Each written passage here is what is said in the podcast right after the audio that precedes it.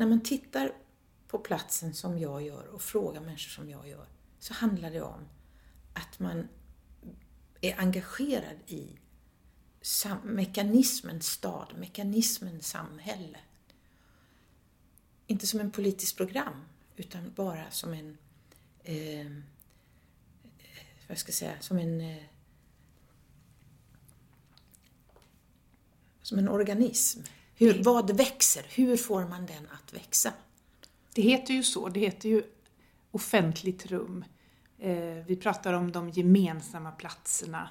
Vi pratar om allmänning, allmänhet, allmänhetens plats. Ja, den är en konstruktion av ett politiskt tänkande som säger du är medborgare, jag är medborgare. Mellan oss finns en jämlikhet. Och det är ju en politisk, på en värdeskala om den är höger eller vänster. Men som utgångspunkt kommer begreppet från att det finns någonting som inte är privat, som inte ägs av en och därmed är en anledning för oss att förhandla. Det finns något att prata om. Vi har något som, vi, som är en gemensam angelägenhet. Och denna gemensamma angelägenhet, det är den jag hela tiden frågar efter.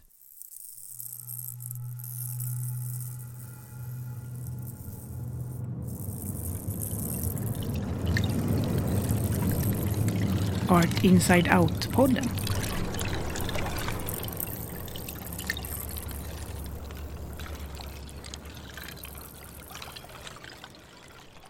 Petra Johansson träffade Kerstin Bergendahl på hennes arbetsrum på Akademi Valand i Göteborg för en intervju om hennes arbete i Art Inside Out-residenset Konstnärligt arbete pågår.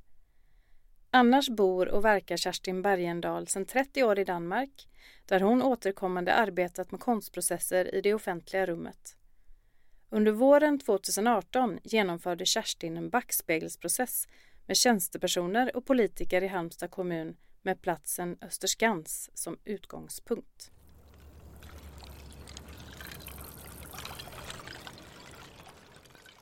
Min metod börjar och slutar med att jag är fascinerad av staden som organism. Men också av staden som format för demokratin. Jag har ett fortsatt samtal med en etnolog som heter James Holston från Berkeley i USA.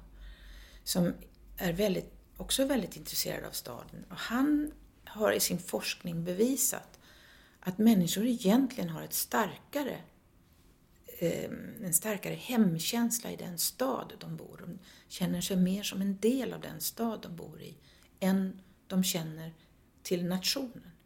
Så även om det talas väldigt mycket om Sverige och vi och allt möjligt annat, så i vardagen så har vi ett starkare förhållande till den stad vi bor i. Och samtidigt så blir den här, det här gemensamma samtalet, det blir färre och färre av oss som faktiskt är med i det. så vi låter en massa saker hända som vi kanske egentligen inte tycker är rätt. Men det är också för att det har blivit svårare och svårare att vara med. Och det är där, i det här fältet, jag tycker det är så intressant att vara som konstnär. För konstnären och prästen, det är några av de sista som kan passera förbi de här gränserna mellan olika professioner eller olika tillhörsförhållanden. Vi kan prata, och resonera och samarbeta med en pensionär, med en rörmokare, med en politiker, med en bibliotekarie. Det spelar ingen roll. Därför att själva konstnärsrollen är precis som en skateboard. Man kan åka som en tvärgående figur tvärs över de här gränserna och, sen tillbaks igen och ta med sig någonting på vägen. Och det som är specifikt för min praktik är att jag alltid har tyckt det är så himla roligt att traska in i sådana här miljöer som jag inte hör till. Och så förstå vad är det som är på spel just här. Vad är det, som, vad är det för någonting som styr mekanismerna här? Vad menar man är bra? Vad menar man är dåligt? Vad är förbjudet? Vad är tillåtet? Vad är, eh, vem har bestämt att man ska jobba så här? Jag tycker det är jätteroligt att, att använda konstnärens klassiska position, den att stå och titta och så göra ett slags porträtt Men mitt porträtt det gör jag alltså tillsammans med dem som är i den här lokalen eller platsen eller institutionen som jag är på besök i. Och nu har du varit i Halmstad mm. eh, mellan januari och mars kan man egentligen säga och jobbat med tjänstemän och politiker och alla de som på något sätt är inbegripna i processen kring att skapa en ny plats runt Österskans när man lägger ner den gamla busshållplatsen. Eh, vad är det du har gjort? Egentligen har jag just bara genom att bjuda in dem allihopa så har jag etablerat en situation som inte så väldigt ofta finns i kommunala verksamheter. Jag har lagt till vad man, man kunde säga att jag har lagt till ett format som de inte använder. Och det är att sätta sig ner, titta på hur man jobbade och lära sig något av det. Och att göra det tillsammans. Därför att i kommunen jobbar man i olika arbetslag som har olika utbildningsmässig bakgrund och olika mål med det de gör. Eh, en kulturförvaltning tänker hela samhället, tänker på grannskap. En som jobbar med landskap tänker på hur man ska lägga materialet så att inte vattnet förstör det eller så att vattnet kan rinna av eller så att ingen snubblar. Och de som planerar stad, de tänker i makro, makro och väldigt mycket i kommunal ekonomi. Och med de här olika glasögonen så, så är det inte så ofta de träffar på varandra för att då arbetar de med Österskans i olika faser utav Österskans liv. Och det jag gör här är att jag fogar in ett rum, ett hål i tiden, där de kan sitta och spola hela processen baklänges. Och tänka över, gjorde vi rätt här? Vad var det som hände? Vem, vem fick processen när? Vem tog över bollen?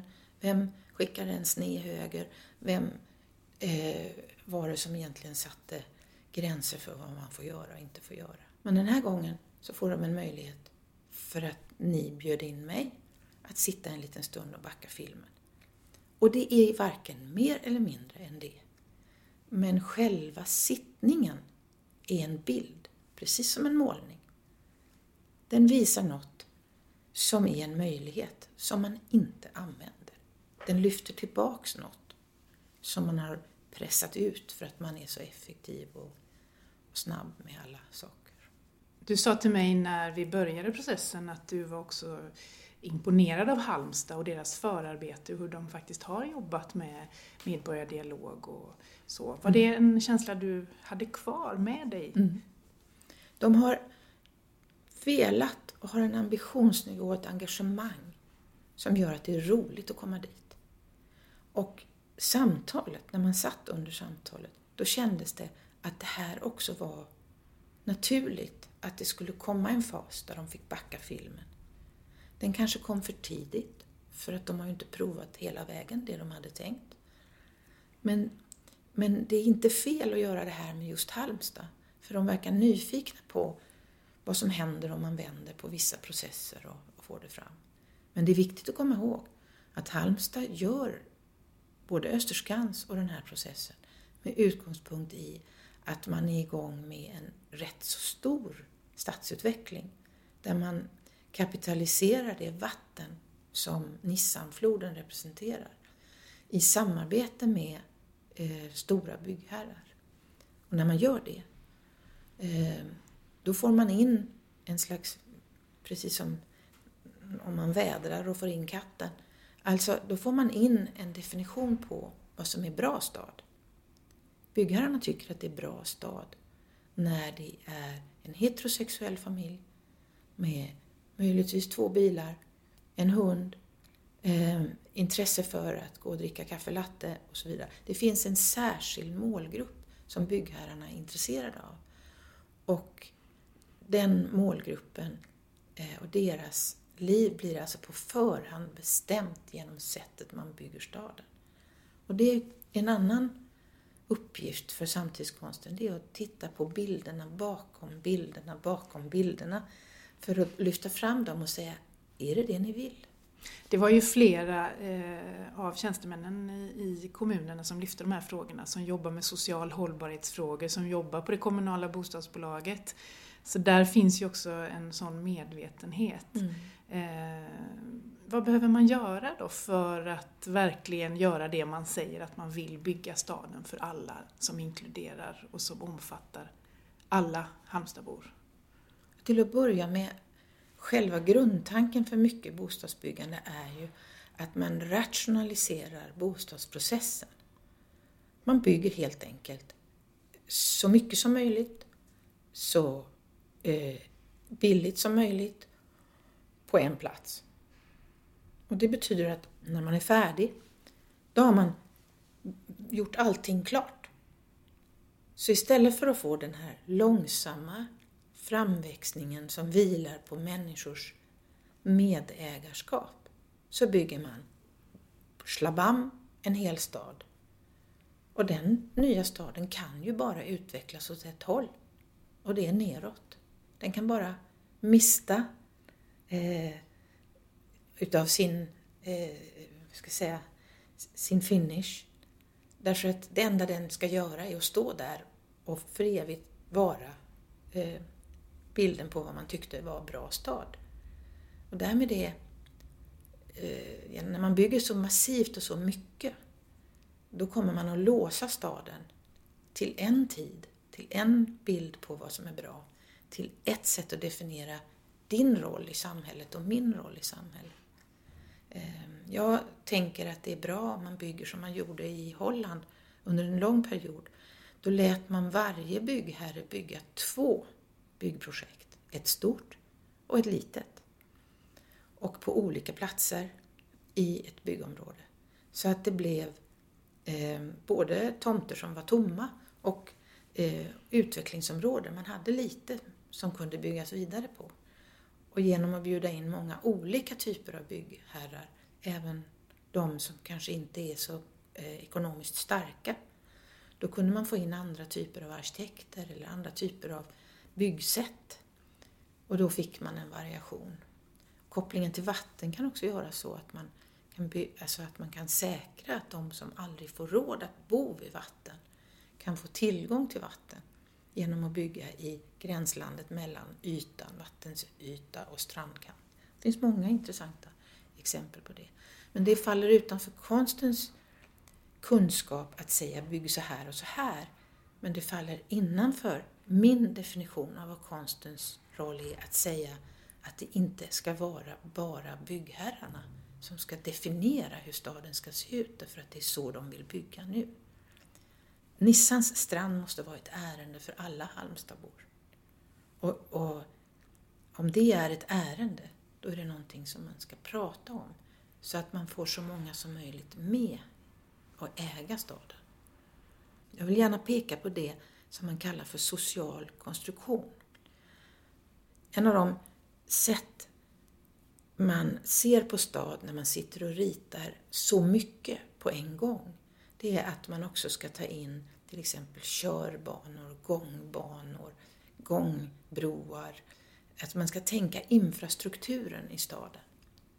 Och det gör man ofta över väldigt stora ytor så att man kopplar ihop, precis som nervbanor eller blodsystem, så kopplar man ihop eh, med andra delar av staden så att en cykelväg inte bara abrupt slutar utan fortsätter organiskt in i nästa stadsdel. Men det gör att man samtidigt mister någonting utav det som är så viktigt i gammal stad. Och Halmstad är en gammal stad.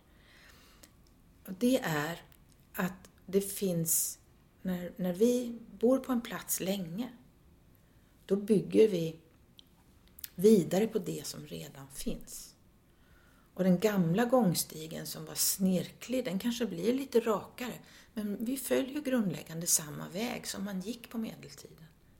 Vi har inte sjöbodarna stående vid vattnet längre, men det kanske hamnar en bänk framför sjöbodarna och sen tar man bort sjöbodarna och bänkarna står kvar. Att det finns spår, rötter ner i det som var där förut. Med det så finns det också den här gradvisa eh, sammanblandningen av nuet och dået. Jag tror att det är just den här eh, gradvisa utvecklingen av en plats, antingen tillsammans med platsens rötter, tillsammans med de som är aktörer, de som, är, som eh, känner ägarskap till platsen. Och att man ser, det här, och det här tror jag är det allra, allra viktigaste, att man uppfattar det att göra om Österskans. Det är en karamell för dem som också vill utveckla det demokratiska samtalet. Därför att Österskans angår alla som bor i Halmstad. Det är en perfekt anledning till att prata med varandra om vad som skulle vara bra för Halmstad. Kommunen har gått ut och gjort en medborgardialog som har varit så, så djupgående som man nu kan göra det. Men, och sen gör man det här temporära rummet där man undersöker vad platsen kan användas till. Ja, för det ska man göra under en tvåårsperiod. Ja, och det är rätt lång tid. Och det är en stor satsning från en kommun. Men kopplingarna mellan de här stadierna, en grad, att, att man låter varje sån, ett sånt tilltag bli ett nytt lager på löken så att det blir mer och mer sammansatt vad man frågar efter, vad man letar efter, vad man kartlägger, vad man, vilket som blir två och två som blir fyra. Det är den, som är den processen där en bildkonstnär kan användas på ett förnuftigt sätt. Ehm, och där det konstverket inte nödvändigtvis behöver styra var man landar. Därför att målet för mitt arbete och för den här typen av konst, det är att blottlägga förbindelser, relationer, ehm, bakomliggande bilder och sen överlämna det till offentligheten att diskutera. Vad säger du till dem som undrar vad konsten är i detta? För du pratar om bildkonstnären och bildkonstnärens eh, arbete och metod.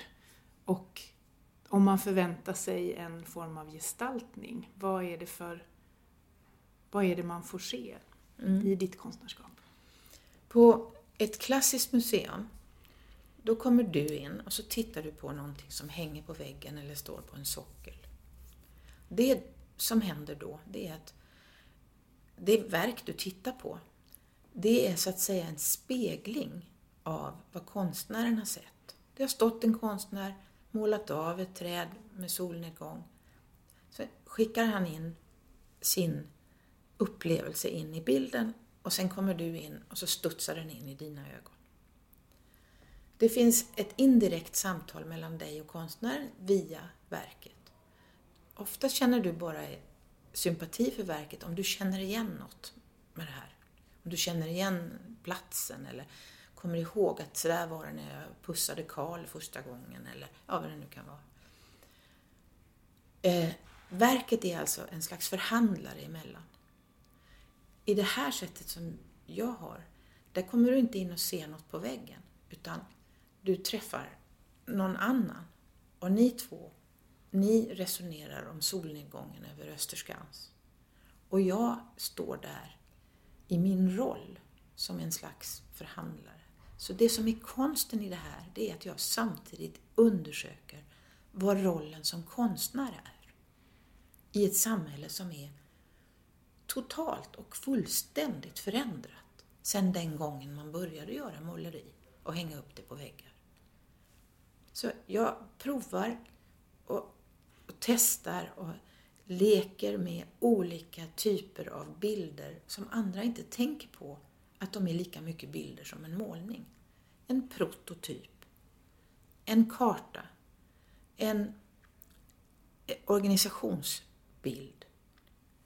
Jag förtolkar dem precis lika mycket som min kollega gjorde när han gjorde den solnedgången.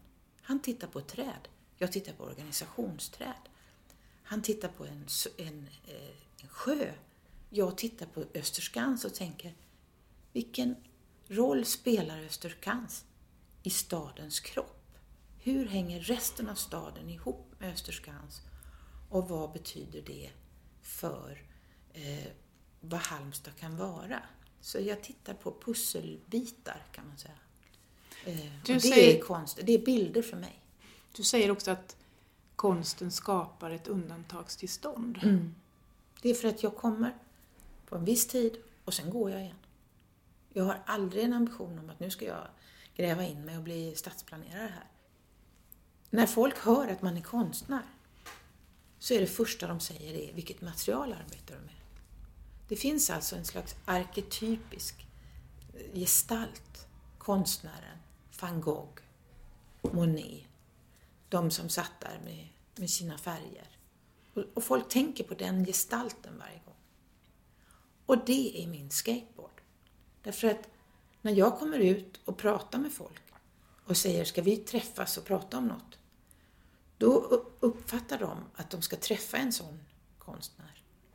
Och då brukar jag tänka att Monet, han är precis som ett tält som jag kan sätta upp en liten stund på Österskans och så kan jag bjuda in andra in i det som är det konstnärliga arbetet. För skillnaden mellan hur jag möter min publik och hur Monet möter publiken är ju egentligen bara den att jag bjuder in publiken i konstens rum. Och så vet alla att om en stund så går jag igen. Så det är en liten stund här och nu. Då är frågan hur man kan använda den stunden på ett roligt, förnuftigt, tankeväckande sätt.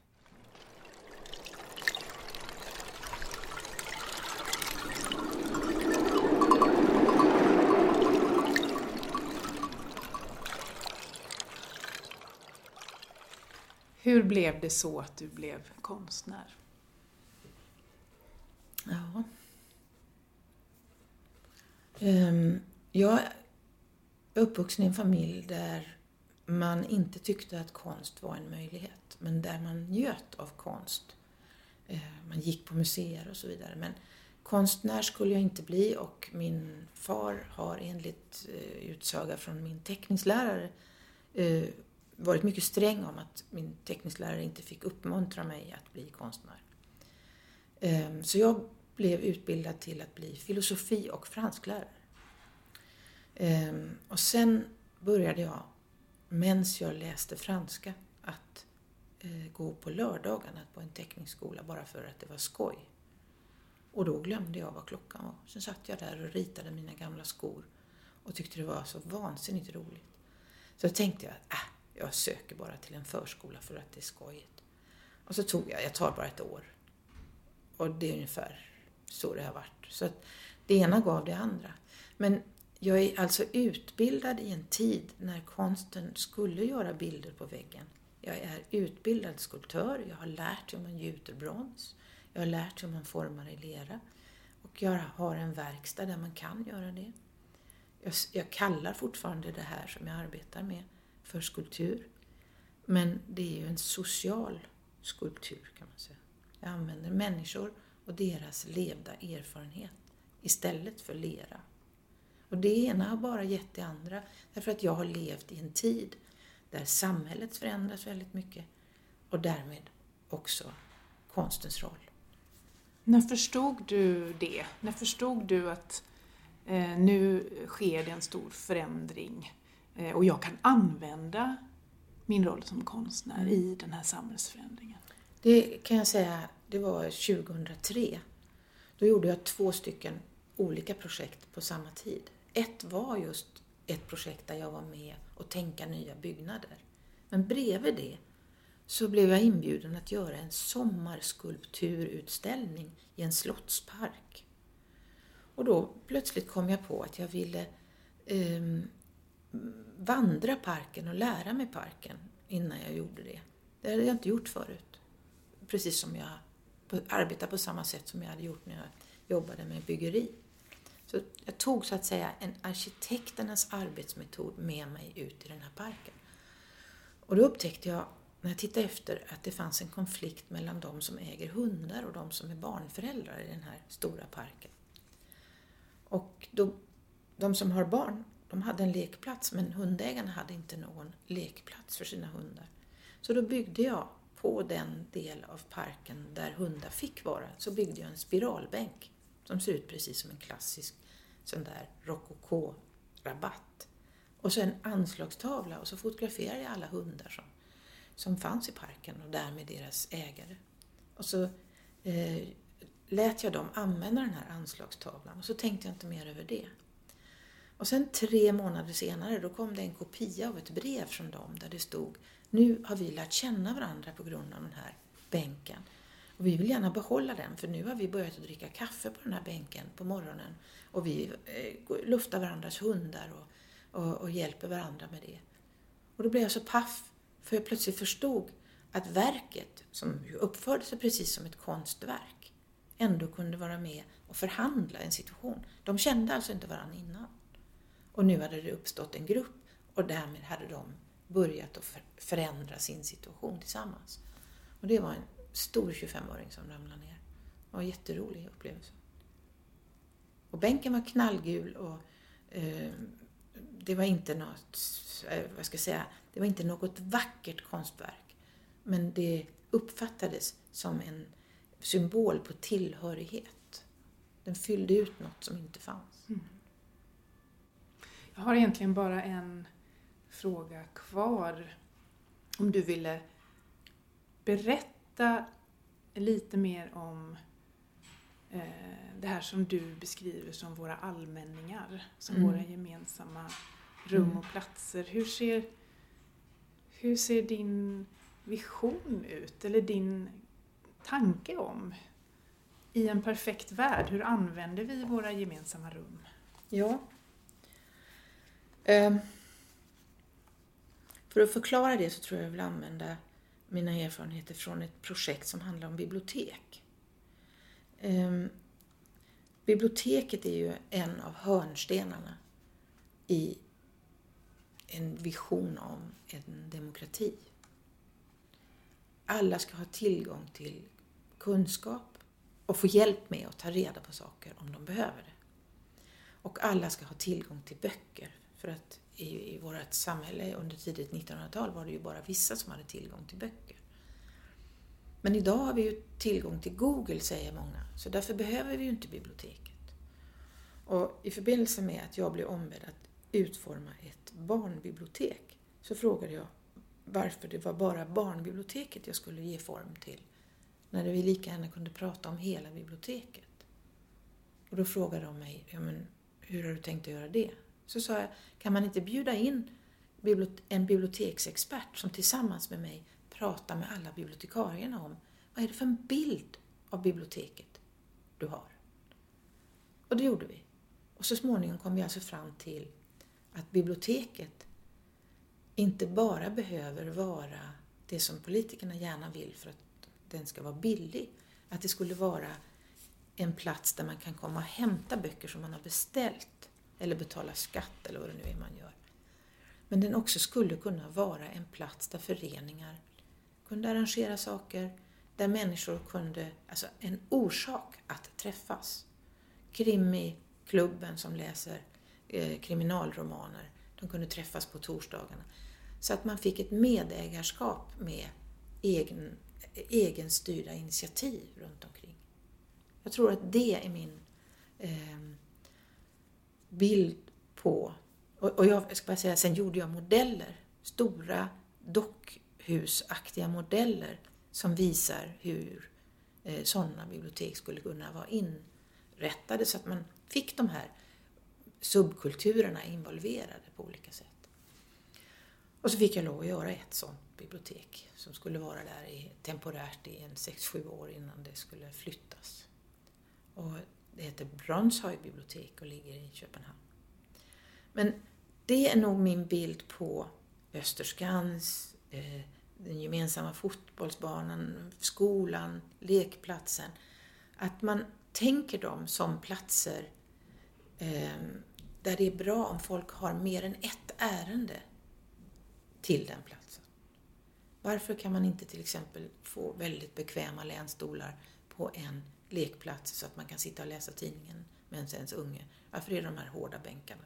Bara vid en sån förändring så, så blir platsen inte bara, lekplatsen inte bara barnens plats utan en gemensam plats. Det är för övrigt något som barn gärna vill att föräldrarna ska vara på plats.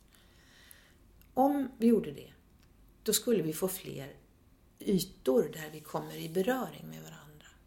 Där vi har tid i kroppen eller där vi har Eh, har en öppenhet för att lära känna varandra eller bara få det som man på danska kallar en sludder för en släda, alltså bara ett litet småsnack. Men i småsnacket ligger början på demokrati som liksom får egna ben att gå på. I Sverige under de sista sju, åtta åren har det över 70 gånger varit någon som har gått upp till en flyktingförläggning och satt eld på den. Tydligare kan det inte sägas. Ni skiter i mig, så då ska de inte vara här. Vem är det som känner sig skiten i? Och varför gör de det? Jo, det kan vara för att vi har effektiviserat och tagit bort alla de här små bänkarna i solen eller anledningarna till att småprata med varandra. Mötesytorna mellan de som administrerar oss och oss som egentligen väljer dem. Alla de här delarna som gradvis försiktigt försvinner ut därför att de inte hinns eller inte prioriteras eller att det inte finns pengar till dem. De är kanske jätteviktiga för att folk ska känna att de är delaktiga i sin egen stad.